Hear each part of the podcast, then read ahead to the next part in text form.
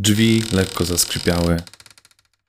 Wracając do domu późnego wieczoru z ciężkiego dnia pracy, nie mogłem oczekiwać niczego innego.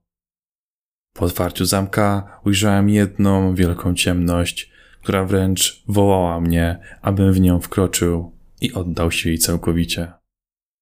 Znużone powieki, na wpół otwarte oczy, rozkojarzone.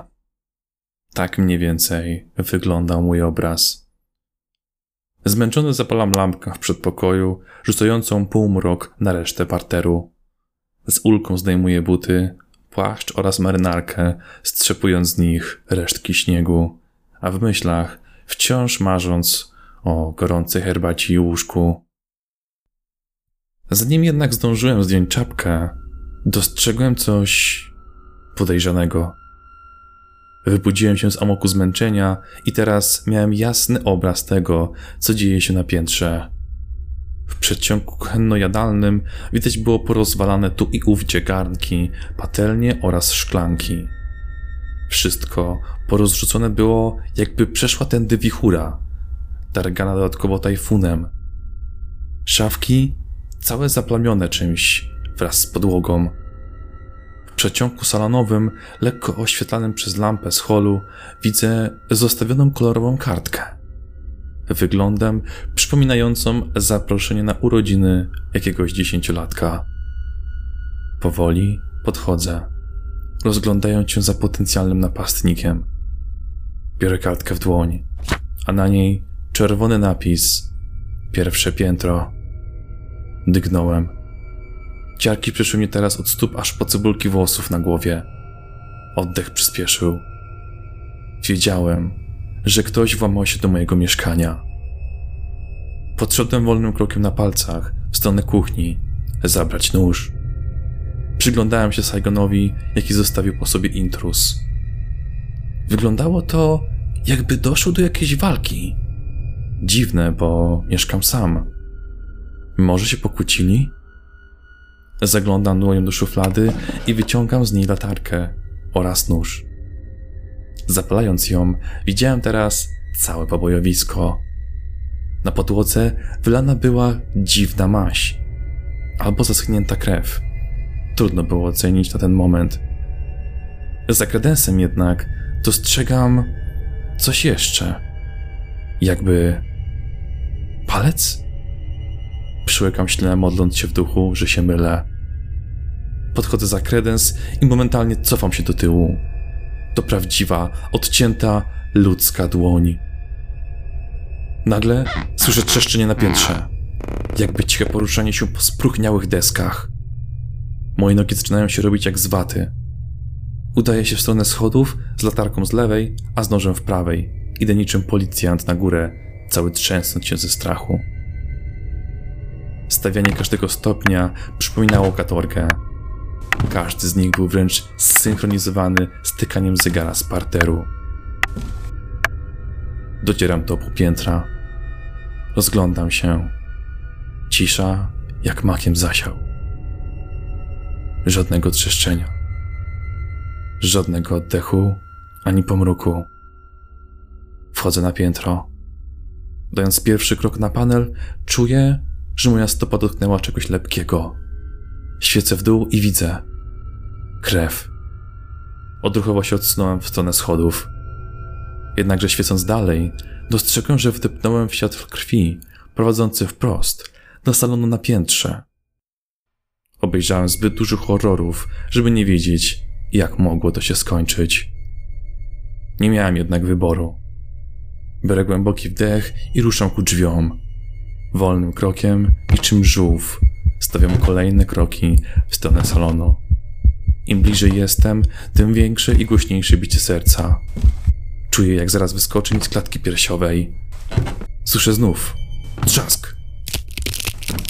Jakby pękające drewno. A może to kość? Ciarki znów mnie przeszły. Chwytam za klamkę, lecz zanim pociągam ją w dół, słyszę otwierające się drzwi wejściowe z parteru. Zamarłem. Drzwi po chwili zamknęły się ciężkim trzaskiem, niczym przeciąg. Słychać dudniące kroki, wchodzące właśnie ciężkimi buciorami na piętro. Zdałem sobie sprawę, że byłem w pułapce. Teraz albo nigdy, pomyślałem. Pociągnąłem za klamkę i wparowałem do. Happy birthday! Moi znajomi zrobili przyjęcie niespodziankę. To cudowne uczucie widzieć ich tutaj. Obejrzałem się, by sprawdzić, kto wszedł na piętro, i okazał się to być mój brat, który ukradkiem dorobił sobie kluczyki do mojego domu. Cs, spryciarz. Marek przyniósł tort, pomyślałem życzenie i zdmuchnąłem świeczki. Wszyscy zaczęli klaskać. Mojej twarzy zagościł szczery, szeroki uśmiech. Mój serdeczny przyjaciel Jędrek włączył muzykę, po czym impreza zaczęła się na całego. Po kilku pierwszych tańcach przypominam sobie wygląd kuchni, ślady krwi oraz tą dłoń. Podchodzę do brata. Hej Marek, dzięki za te wspaniałe przyjęcie. Jestem ci naprawdę mega wdzięczny za to wszystko, co dla mnie zrobiłeś. Powiedz mi tylko, po co wam były te wszystkie ganki z kuchni i czemu je tak zostawiliście? Marek zmarszczył czoło. Jakie garnki? O czym ty mówisz? Siedzieliśmy tutaj od kilku godzin i ogarnialiśmy salon na piętrze. Tort był z cukierni, a resztę zamówiliśmy. W kuchni nas nawet nie było. Zamarłem. Poczułem, jak krew przestaje mi dopływać do mózgu. Hej, Paweł. Wszystko ok? Wyglądasz blado. Przeoknąłem ślinę, po czym opierając się o ścianę, zapytałem: Czy. Czy wchodząc do mieszkania, naprawdę nie zauważyłeś tego Saigonu w kuchni? Marek znów zmaszczył czoło. Dobrze się czujesz? Kuchnia jest dość blisko wejścia, więc na pewno bym zauważył. Nie mogłem uwierzyć. Złapałem Marka za ramię i razem wyszliśmy z salonu. Przed nim ani śladu krwi. Podłoga wyglądała tak, jakby została idealnie wymyta najlepszymi środkami czystości. Zeszliśmy czym prędzej na dół do kuchni, a ta jakby nietknięta. Wszystkie szafki, garnki, talerze, sztućce na swoim miejscu. Zupełnie jakby nic się nie zadziało. Podbiegam za kredens. Pustka. Ani śladu podciętej dłoni. Zapalam światło. Wszystko błyszczy. Jakby wypucwane jeszcze dziś. Marek podszedł do mnie zmartwiony i położył dłoń na meramie. Jesteś po prostu zmęczony. Chodź, dołączymy do pozostałych. Nic nie mówiąc, spojrzałem mu w oczy, po czym oboje udaliśmy się na górę, gasząc światło.